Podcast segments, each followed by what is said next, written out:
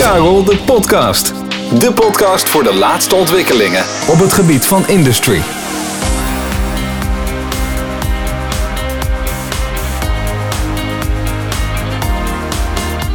Vanuit de studio van Karel Leurvink is dit Karel de Podcast. En mijn naam is Rijn Hoornstra. Niemand kan zonder zuurstof en dat halen we uit schone lucht. Maar wat als de omgevingslucht verontreinigd is of een zuurstoftekort heeft? Zelfs de kleinste stofdeeltjes, gassen en dampen kunnen al schadelijk zijn voor de gezondheid. Als op geen andere manier het inademen van deze gevaarlijke stoffen voorkomen kan worden, is uw werkgever verplicht de juiste persoonlijke beschermingsmiddelen aan te bieden. Met adembescherming is het in deze gevallen mogelijk lucht in te ademen zonder schadelijke stoffen. Maar hoe kiest u dan de juiste adembescherming? We bellen vandaag vanuit de studio met Jan-Willem Zwart van 3M. En ik geef even de nadruk op dat bellen. Het kan zijn dat er af en toe een keer een vertraging in de lijn komt. Maar goed, we hebben te maken met een situatie eh, waar corona heel grote schuld aan heeft. En ja, 3M heeft gewoon gekozen voor, uh, en Jan-Willem Zwart in dit geval, om dus vanuit huis mee te werken aan deze podcast. Uh, 3M biedt een zeer uitgebreid assortiment aan adembescherming. Van hoofdkappen, helmen tot halfgelaatsmaskers en stofmaskers. Jan Willem is met zijn ervaring daarom de uitgelezen persoon om al deze vragen aan te gaan stellen. Nou, een hele uitgebreide intro, Jan Willem. Uh, welkom ook op afstand. Uh, fijn dat je in deze, ja, voor jullie waarschijnlijk zeer hectische periode tijd voor ons vrij kunt maken. Jullie zullen vast overuren draaien nu adembescherming letterlijk en figuurlijk van, uh, van levensbelang is en ook zeer actueel waarschijnlijk. Uh, welkom in de uitzending. Ja, dankjewel uh, Rijn. Bedankt ook voor de uitnodiging. leuk om, om dit te doen, leuk om jou te spreken. en ja, inderdaad, wij zitten in een, we hebben een vrij bewogen periode, een bewogen jaar achter de rug. kritisch natuurlijk vooral voor wat betreft de voorraden. En uh, tussendoor kwam er nog een brexit en een exportban van Duitsland. En ook nog Trump die allerlei dingen eiste van 3M. Uh, dus wat dat betreft uh, een bewogen jaar. Maar volgens mij hebben we het redelijk op orde nu. En nou ja, kunnen we onze klanten aardig voorzien van de, de juiste middelen. Never a dull moment. Nee, precies. Oké, oké. Nou ja, ik heb in mijn intro al even aangegeven dat uh, het dragen van adembescherming echt belangrijk is, echt van levensbelang kan zijn. Uh, ja, als aangewezen expert, ja, natuurlijk aan jou de vraag om, om daar wat dieper in te, te kunnen stappen. En ja, vertel eens aan de luisteraars van deze podcast waarom en wanneer draag je adembescherming en wat zijn de risico's, vooral als je het niet doet. Ja, nou ja, er, er zijn uh, niet altijd risico's op werkplekken natuurlijk, maar uh, in sommige werkomgevingen zijn die wel. Hè. Dan heb je te maken met deeltjes of gassen of dampen of misschien zelfs het gebrek aan, uh, aan zuurstof. Dat zijn wel degelijke risico's waarin je goed moet gaan afwegen of je adembescherming nodig heeft, hebt. En dat, ja, dat vraagt wat onderzoek. Hè. Dus het is niet per se zo dat als er stof in een ruimte dwarrelt, dat je ook onmiddellijk allemaal een stofmasker moet gaan dragen. maar er, dat, er gaat een proces aan af om goed te onderzoeken of iemand wel of niet eh, de juiste adembescherming zou moeten dragen. Oké. Nou ja, je, je, je schetst wat, wat situaties. Uh, we gaan even uit van dat je adembescherming nodig hebt. Uh, hoe, ja. hoe, hoe, begin je? Wat is, wat, wat is het keuzemenu? Ja, dat is, uh, ik begrijp dat dit ontzettend lastig is voor mensen zelf, voor de medewerker of voor een, een bedrijf zelf om dat goed te onderzoeken. Hè? Dat, zoals ik net al zei, als je in een hal loopt en je ziet daar deeltjes dwarrelen, dan gaat iemand al wel aanvoelen dat er wat aan de hand is. En dus dat is goed. Maar uh, een beetje structuur in het onderzoek is, is oké. Dus wij hebben daar zelf dan, dat noemen wij het vier-stappenplan voor ontwikkeld. En dat is eigenlijk gewoon in, ook in vier stappen uiteindelijk onderzoeken wat er aan de hand is op de werkvloer. Waar heb je mee te maken? Um, in welke mate is dat ook werkelijk gevaarlijk voor de medewerkers? Is er te veel stof of zijn er te veel gas en dampen? Werk je in een besloten ruimte? Werk je in ruimtes in de buurt van collega's die veel gas en deeltjes verspreiden? En uh, niet onbelangrijk, uh, ook al ja, de juiste keuze maken natuurlijk. Hè? Dus, dus, en ook een keuze die te maken heeft met dat de gedrager het zou willen dragen natuurlijk, hè, uh, zonder meer. Uh, en uiteindelijk ook, uh, niet onbelangrijk, dat is stap 4 vaak in dit proces, is dat de gebruikers ook min of meer een goede instructie krijgen, worden getraind op het juiste gebruik, maar ook onderhoud van, van de materialen die ze gebruiken. Ja, even, even tussendoor, jij triggert mij. Jij zegt als ze het willen dragen. Is het geen verplichting? Uh, nou ja, natuurlijk is het hier en daar wel een verplichting. Hè? Er zijn plekken waar echt een, verplichting is om adembescherming te dragen. Dat is ook door de wet gedragen. Uh, dus zo nu en dan is het zeker verplicht. Een bedrijf zelf zou het ook kunnen opdragen hè, aan de medewerkers, omdat het simpelweg over gezondheid gaat, zoals we al zeggen. En gezondheid staat altijd bovenaan. Dus je moet op een veilige manier aan het werk gaan. En uiteindelijk is er, ja, volgens de Arbo-wet, is het wel gewoon zeer verstandig om adembescherming uh, te verkiezen. Uh, en Arbo, de Arbo-wet is nu eenmaal een, uh, ja, een gedeelde verantwoordelijkheid. Niet alleen voor de werkgever, maar zeker ook voor de werknemer. Dus het, uh, ja, hier en daar is het zeker verplicht om uh, adembescherming te dragen, zonder meer. Ja, want ik hoor wel eens dat als, als een werknemer het niet wil dragen, dat dan niet, niet de werkgever, maar de werknemer zelf aansprakelijk is, toch? Bij eventuele. Of, of is dat, of heb ik dat uh, verkeerd? Ja, ja, maar dat gaat, het, uiteindelijk is, gaat het heel ver, waarbij de werkgever nog heel lang verantwoordelijk blijft. en, en hij moet wel op een goede manier kunnen aantonen dat hij er heel veel aan heeft gedaan om zijn medewerkers zover te krijgen dat ze, en de juiste, maar ook dat ze sowieso adembescherming gaan dragen. dus hij moet uh, registreren, hij moet uh, controles doen, hij moet uh, trainen, instructies geven, de juiste middelen beschikbaar stellen. En um, kijk, er, er, wordt wel eens gezegd, ik, heb, ik, heb ik heb mijn medewerkers de middelen verstrekt. En ik heb ze een briefje, briefje laten ondertekenen dat ze voor ontvangst. Hè, dat, dat hoor je nog wel eens. Dat is absoluut niet voldoende. Hè. Er moet veel meer gebeuren. Er moet een controle plaatsvinden. Er moet instructie gegeven worden. En, en, en moeten de juiste middelen zijn natuurlijk, uh, sowieso. Oké, oké. Ja, vier stappenplan, duidelijk. Uh, je viel even weg, maar je hebt het uh, een paar keer genoemd. Dus iedereen heeft gehoord dat, dat je, je, je vertrekpunt een vier stappenplan is. Ja. dan, dan heb je de verschillende gevaren in kaart gebracht. Daar horen ja. natuurlijk ook verschillende vormen van adembescherming bij. vertel. Ja. vertel. Nou, je hebt eigenlijk, als je kijkt naar adembescherming, drie fenomenen. Die, ik had ze net al even genoemd. Hè. Dat zijn dat is stof, deeltjes. Daaronder vallen overigens ook in deze actuele periode uh, virussen, bacteriën, schimmels en dergelijke. Uh, dus dat, dat, is, dat valt onder de, de, de noemer stof, zou je kunnen zeggen. Ja. Dan heb je uh, gassen en dampen, dat is het tweede fenomeen waar je mee te maken kan krijgen. En het derde fenomeen is het gebrek aan zuurstof.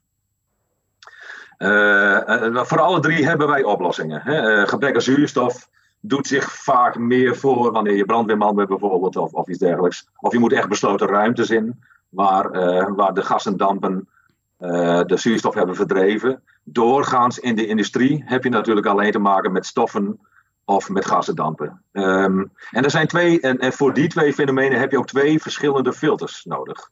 een stoffilter zal nooit beschermen tegen gas en dampen. En een gasdampfilter zal nooit beschermen tegen stofdeeltjes. Je kan dat ook combineren nog. Hè? Dus er zijn middelen om het te combineren. Dat je zowel tegen gasdampen als tegen stof uh, beschermd bent.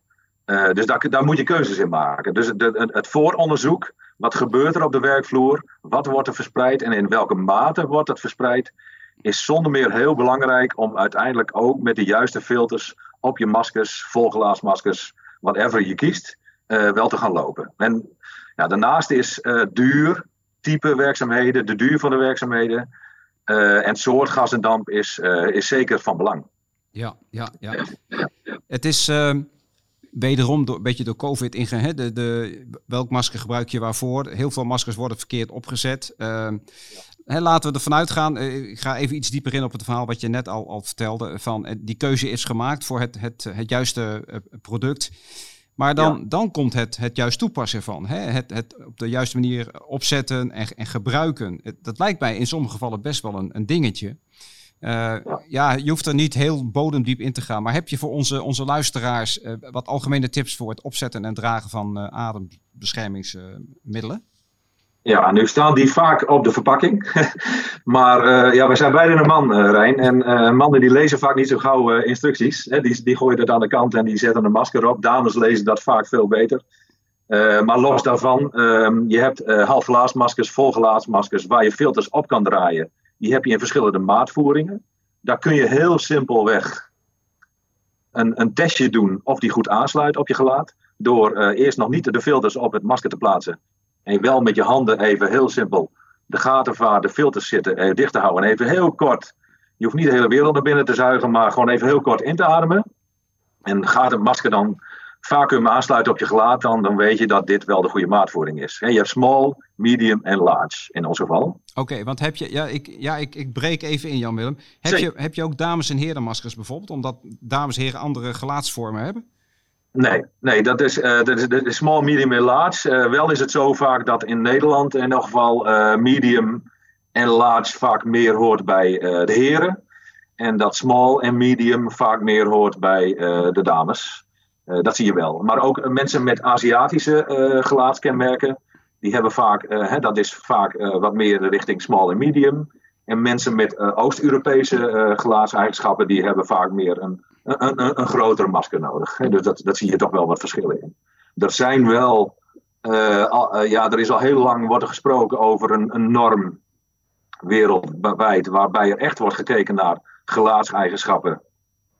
En dus ook naar uh, ons als fabrikant om daar veel beter nog aanpassingen aan te doen. Hè? Dat we met veel meer kenmerken nog rekening houden. Dat wordt ook best veel gedaan nu in onze huidige maskers overigens. En nou ja, goed, wat dat betreft, dan, dan hebben we voor veel mensen wel een maatvoering. Wat je nog zou kunnen doen ook, uh, dat kan met halfglaasmaskers en ook met stoffilters, zou je eventueel een uh, soort face-fit test gaan doen, kunnen doen. Um, en dat controleert eigenlijk heel simpelweg op dat moment dat je hem opzet of het masker goed aansluit. Dat is, dat is een test met een, een zoetstof of een bittere stof, afhankelijk van wat je wil. En wanneer het masker gewoon niet goed aansluit op je gelaat, dan, weet je, dan proef je ook vrij snel die zoete of die bittere stof. En dan weet je dus dat er lekkage is. En dan zou je kunnen kiezen voor of uh, op een andere manier het masker op te zetten, of een ander masker kiezen. En dat kan natuurlijk ook nog, eventueel. Ja, moet je ja. geen corona hebben, want dan proef je niks. Maar dat even te zijn. Nee, nee, nee, nee, nee, nee, precies. Maar voor de test gebruik je een, een, een zoete en een bittere stof. En, en die, nou, ik kan je voorspellen, dat is, uh, als het masker niet goed aansluit, dan zul je dat vrij snel wel uh, waarnemen. Ja. Want ik kan me voorstellen in deze tijden, hè, wij zitten nu op afstand met elkaar te praten, maar jij kunt ook niet als specialist op de werkvloer op dit moment opereren. Is dat wel goed? Uh, ja, kun, kan men daarmee uit de voeten? Kun je desondanks wel op afstand goede adviezen geven voor uh, de juiste ja. Producten? Ja, dat is, dat is, dat is natuurlijk toch anders. Hè? Uh, maar het uitleg van een vierstappenplan en um, het uitleggen van waarom en welke soorten maskers er gebruikt zouden moeten, moeten worden.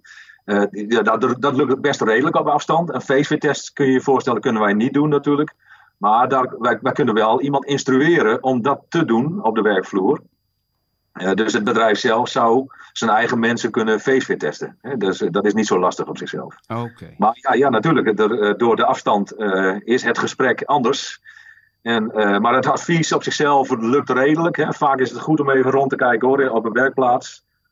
Wanneer het echt kritisch wordt en wanneer er echt grote, uh, laten we zeggen, gevaren of belangen zijn, dan uh, is het voor ons toch nog wel toegestaan om een keer wel langs te komen. Oké. Okay. Wat je vaak hoort zeggen is, ook als excuus natuurlijk om het niet te gebruiken, dat het dragen van, van hè, dergelijke adembeschermingsmiddelen niet altijd even prettig is, comfortabel is. Hè. We hebben het al met onze chirurgische mondmaskertjes, hè, waar mensen het al Spaans benauwd van krijgen als, als ze al naar kijken. Um, ja. ja. krijg jij op jullie professionele niveau daar ook wel iets van mee? Uh, met andere woorden, hebben jullie gebruikers wel, wel vaak klachten over comfort? Of, of, of... Ja, dat is. Um, kijk, in, in, in het algemeen wil de medewerker het liefste in korte broek, t-shirt en slippertjes de werkvloer op. Maar, uh, maar dat gaat helaas niet. Hè. Er zijn nu eenmaal gevaren waar je rekening mee moet houden. En het is. Um, ja, kijk, wat je, wat je moet. wij, wij horen heel vaak ja, zijn er niet andere vormen of zijn er niet andere soorten? Of uh, uh, we gebruiken al jaren niks. Hè, dus of, ik doe het al jaren op deze manier en dat gaat hartstikke goed. Hè, dat horen we al heel vaak. Dus wij horen zeker van de werkvloer wat er gebeurt. Wij komen ook best veel op de werkvloer. natuurlijk even los van, van de COVID-periode. maar wij kunnen, um, ja, wij, wij kunnen mensen helpen. Hè, we kunnen bedrijven ook helpen in de vorm van een training. In de toolbox een korte training of een langere training. Door mensen meer bewust te maken van hetgene waar ze inlopen. Uh, dus in de omgeving waar ze lopen, dat dat ook gevaarlijk is. En ze moeten, zich al, ze moeten altijd begrijpen dat het niet zozeer uh, zou moeten omdat de directeur dat van ze vraagt. Maar ze moeten wel vooral begrijpen dat het gaat om hun eigen gezondheid. En dat ze die zouden moeten willen beschermen, vooral. En, en we kunnen altijd meekijken met een bedrijf en een, een zoektocht starten naar eventueel andere, misschien wel meer comfortabele comfortabelere oplossingen. Het is belangrijk om maatwerk te leveren en, en uh, te kijken wat, uh, wat in welke situatie het, het, beste past met de minste, uh, ja, of ja, het meest comfortabel ook. Hè? Dat, dat is dan het, het ja. verhaal wat erachter zit. Ja, um, ja je, je, je, kan met bedrijven goed, goed onderzoeken, is het altijd nodig om adembescherming te gebruiken? Bijvoorbeeld al. Hè? Moet je op elke plek je adembescherming gebruiken? En in hoeverre kun je het de mensen makkelijk maken? Daarnaast zit er natuurlijk ook altijd iets in van gedrag. Hè. Het gedrag is een van de meest ja, belangrijke redenen waarom het moeilijk is voor mensen op de werkvloer om, uh, om een masker te dragen, bijvoorbeeld. En ook zelfs daarin zouden wij kunnen ondersteunen. Om daar, uh, wij kunnen daarin wat hulp bieden, als, het, als het moet. Ja, en je hebt natuurlijk het, het, nadeel, denk ik, met sommige producten dat je, ja, afgezien of je het dan wel of niet ruikt of, of tegen de vlakte gaat, maar dat er ook veel uh, schadelijke stoffen pas op lange termijn gaan werken en ook negatieve effecten gaan sorteren, of niet? Ja, zonder meer. Ja, ja dat, dat is met, met stof vooral natuurlijk, met gas en dampen. Als je boven een bak uh, ammoniak hangt eh, ja, de hele dag, heb je gelijk door. Dan heb je echt wel hoofdpijn. Hè? Dus, dus dat is, dat, en dan ga je ook wel wat gebruiken. Hè? Dat is ook een beetje het fenomeen natuurlijk. Hè? Als iemand zijn hand in vuur steekt, dan trekt hij hem onmiddellijk terug omdat het, omdat het zeer doet en hij, uh, hij andere wegen zoekt om toch zijn werkzaamheden te kunnen doen. Met stof is het anders. Dat is een proces van soms jaren voordat je daar de nadelige gevolgen van gaat uh, ervaren. Ja. Dat is, dat is ook, uh, en dat maakt het soms ook heel moeilijk om goed uit te leggen. Gebruik nu dat maskertje, want het helpt jou tegen, uh, tegen gevaren voor je gezondheid. Ja, het toverwoord is asbest dan in deze. Hè? Ja, bijvoorbeeld. Ja. Dus je, je, hoort steeds meer mensen met asbestkanker tegenwoordig. Ja, ja zonder meer. En, en het openbaart zich vaak ook al als, als mensen met pensioen zijn. Hè? Dus um, het wordt in Nederland dan ook niet altijd even goed geregistreerd, omdat het misschien niet altijd wordt terugverwezen naar het werk wat ze daarvoor hebben gedaan. dus dat is ook lastig. Uh, maar dat, dat, dat het er is en dat je ziek wordt van stof, en welk soort stof het ook is, dat zou kunnen, afhankelijk van hoeveel, hoe lang, hoe vaak je erin hebt gestaan. Uh, het, het, is gewoon een risico, zonder meer. Ja, Oké. Je hebt twee, eh, als, als ik als leek zeg van twee categorieën disposable en, en he, opnieuw te gebruiken producten. Ik neem aan dat, dat als jij uh, permanente adembescherming nodig hebt, dat je die uh, producten nog moet reinigen. Geven jullie daar training in, begeleiding in? Uh, ho, ho, geef eens een inkijkje als je wil. Ja, de, de, nou ja, training sowieso, dat kan. Hè. Dat, in in de, die stap 4, wat ik net eerder al zei, in het vierstappenplan is, is ook onderhoud, uh, training en dat soort zaken. Dus da, daar kunnen wij zeker in helpen. Um, en daarnaast hebben we ook wel bladen, documenten die iets zeggen over hoe je je materialen moet onderhouden. Uh, dus in goed Nederlands heet dat dan care and maintenance. maar uh, maar dat, dat, die zijn er. Hè. Uh, een paar simpele spelregels zijn er sowieso. Ga filters nooit uitblazen. gebruik licht alcoholhoudende doekjes om, om je masker te reinigen. Groene zeep of een natte doek is vaak ook wel genoeg hè, om het goed te reinigen. En als filters vol zijn, zijn ze verzadigd en kunnen ze niet worden gereinigd. Hè, dan moet je ze wegdoen. En voor stofmaskers geldt in het algemeen acht uren gebruiken, uh, een werkdag en de volgende dag een nieuwe pakken. En voor filters, gas- en dampfilters, ja, nou ja, daar zijn niet echt spelregels voor, maar zou uh, maximaal drie maanden gebruiken. Afhankelijk van ook hoeveel en hoe vaak, met hoeveel middelen je in, in die ruimte loopt, uiteraard. Ja. Soms zijn ze al verzadigd na een dag, en dat kan ook. Wat, wat, stel je voor dat, dat je een stofmasker draagt die, die uh, voor korte duur, kun je die en mag je die de dag erna dan weer gebruiken? Heeft dat alleen met verzadiging of ook met hygiëne te maken? Ja, dat heeft zeker ook met hygiëne te maken. Ik, ik zou eigenlijk niet adviseren om de volgende dag een masker weer te pakken. He, je, je weet uh, één, niet hoe het opgeborgen is. En er kan best veel stof neergedaald zijn aan de binnenkant van het masker. Um, ik, ik zou het gewoon niet doen. Ik zou het nooit adviseren. Dat heeft niks te maken met een commerciële reden. Dat heeft echt te maken met veiligheidsredenen. Uh, zorg ervoor dat je altijd gewoon een fris, gezond, uh, vers, goed beschermend masker op je neus zet. dan weet je ook zeker dat je zelf veilig aan het werk bent. Ja, ja. Ik zie hier nog een vraag staan van ja, een medisch mondmasker chirurgische type 2R mag je drie uur dragen gemiddeld. Um, ja, ja hè, en, hoe lang mag je dan een stofmasker dragen? Maar eigenlijk gaf je net al een antwoord. En corrigeer me even I'm wrong het heeft te maken met de mate van vervuiling en van stof aanwezig in de lucht. Want dat kan veel sneller en of langer duren, ja. toch? Nee, zonder meer. Nee, dat, dat, kan zeker langer duren. Nou ja, kijk, inderdaad, een medisch masker, een, een, een virusdeeltje gaat niet zo snel het, het doek blokkeren. Hè? Want dat is wat er gebeurt eigenlijk. Met stofdeeltjes, dat gaat in het doek zitten. En daardoor voel je op een gegeven moment steeds meer ademweerstand. Dat is met virusdeeltjes veel minder makkelijk uh, ja, te ervaren. Dat, dat voel je niet zo snel. Dus daarom is ook die drie uur wel gewoon heel veilig om dat, uh, om dat te doen.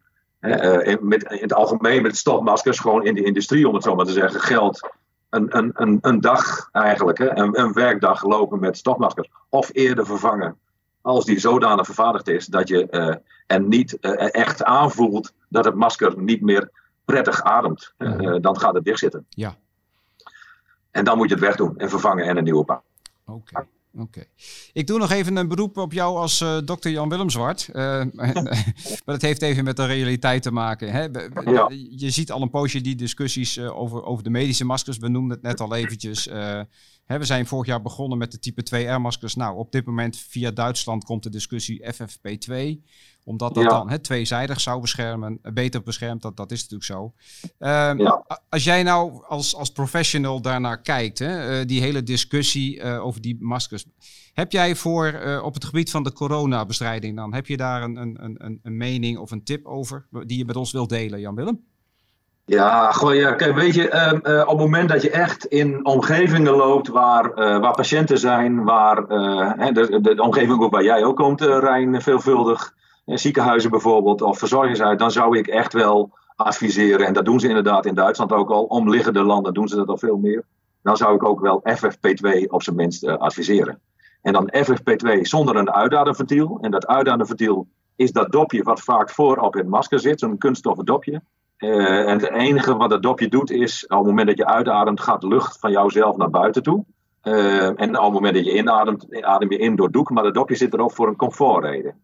Maar als je uh, tweezijdig inderdaad wil beschermen, zul je een masker moeten gebruiken zonder dat dopje ervoor. Dus zonder dat uitademventiel. De maskers die wij gebruiken op straat en die wij. de 2R is alweer beter, hè, want dat houdt echt wel wat meer vocht tegen. En, en de gewone maskers die wij in de supermarkt opdoen, of de goed bedoelde producten die door moeders de vrouw thuis worden gemaakt, zou ik maar zeggen, die, of door wie, wie dan ook. Uh, ja, dat, dat houdt op zich niet zo heel veel tegen. Dus mijn mening is wel dat als je echt zegt, ik wil mezelf beschermen in een omgeving waar er gevaar is met corona, ja, dan zou ik altijd FFP2 adviseren, zonder meer. En op, op straat, uh, hou afstand en, en reinig, ja, was je handen en, en die, ja, die kreten die we vaak horen, dat, dat werkt ook het allerbeste, denk ik. Ja. ja.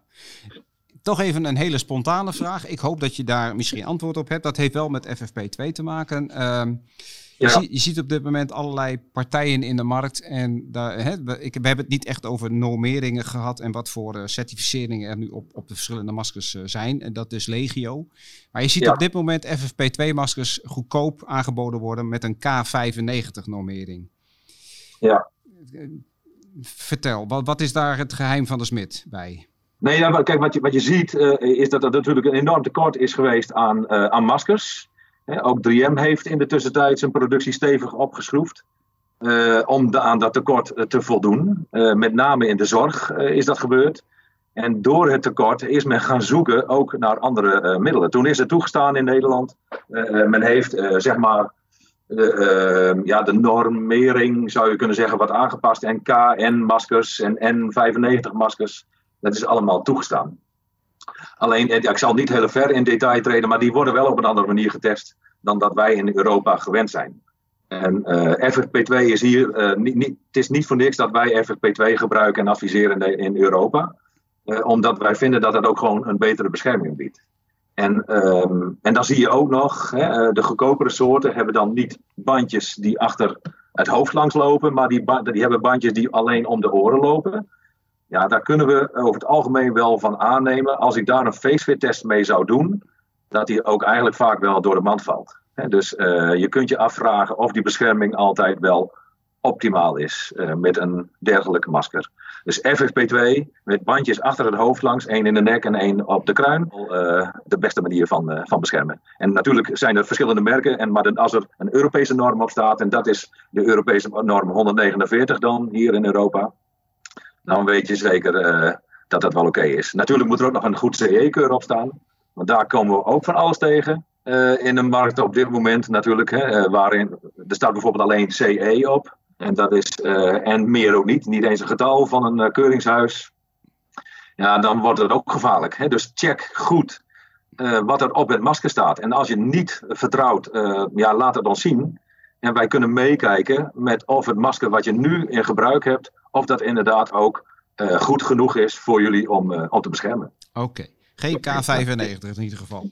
Dat, nee. laat, laat, dat duidelijk zijn. Goed, ja, we zijn aan het eind van deze, deze podcast gekomen. Uh, met een paar kleine technische haperingen zijn wij toch, ja, hebben we een goed verhaal van jou gehoord. Ehm, Uiteraard, 3M en Karel Leuving zijn al jaren uh, zakelijk aan elkaar verbonden. En op de beide websites, zowel van jullie als van ons, zijn de producten terug te vinden. Er, wordt ook, er worden ook veel projecten samen uh, gedaan. Uh, en hopelijk in de toekomst weer wat meer, ook nog face-to-face en fysiek op, op locaties. Wij willen je eigenlijk tot slot nog een, een vraag stellen die we elke podcastgast stellen. want naast werk is er ook een stukje privé. En ja, wij willen graag als, ook als familiebedrijf wat meer weten over de mens achter de gast. Dus ja, waar word jij privé blij van, Jan Willem? Uh, sowieso van mijn familie, van mijn gezin. Uh, een vrouw en twee kinderen, twee jongens, 23 en 20. en daarnaast heb ik ja, hobby's. ik ga graag naar theater. Dat is helaas nu allemaal even niet mogelijk. Ik ga graag naar concerten. Dat is helaas even niet mogelijk. En ik sport veel. Ik ben veel bezig met voetbal. als voetbaltrainer uh, in mijn vrije tijd. Um, Toch niet bij Heerenveen of wel? Nee, nee, oh. niet bij Heerenveen. Nee, nee, nee, nee. Ik woon dus weliswaar in Dracht. Ik ben een FC Groningen fan. Ik weet niet of dat heel goed is voor de podcast om te zeggen. In oh, het, uh, in het, want jij woont toch in Friesland, of niet? Ja, zeker. Maar ik ben een, uh, een geïmporteerde Fries. Aha, aha. ja. en daarnaast, ik hou ontzettend veel van hardlopen. Dat is een van mijn grootste hobby's. En dat probeer ik toch drie keer in de week wel uit te voeren. En uh, nou ja, ook als dat ook weer mogelijk is, ook hier en daar wel eens een loopje uh, die georganiseerd is. Dat is ook mooi. Okay. En ik ben, trots, uh, ik ben er wel trots op dat ik twee keer een marathon heb mogen lopen. En ja, ik vind dat gewoon, dat, dat is echt heel erg, daar haal ik heel veel energie uit. Maar sowieso familie en uitgaan en gezelligheid, ja, dat, dat, dat, daar leef ik op. Nou, laten we dan dat als perspectief voor de toekomst maar houden. Hè? Dat, dat het maar snel weer mag gebeuren. Leuk dat hardlopen ook. Dat is binnen Karel Leuving ook een hele grote traditie. Er zijn heel veel collega's die aan hardlopen en duurlopen en marathons doen. Dus ja, wel, wellicht ja, bekend terrein. Ja. heel erg bedankt namens ons voor jouw deelname en het, de, de tijd die je erin hebt gestopt. Ik zou zeggen namens Karel de podcast bedankt en tot ziens. Graag gedaan. Voor alle luisteraars, bedankt voor het luisteren. Je luisterde naar Karel, de podcast. Wil je op de hoogte blijven van de laatste ontwikkelingen of andere podcastafleveringen beluisteren? Ga dan naar karellurving.nl/slash kennisbank.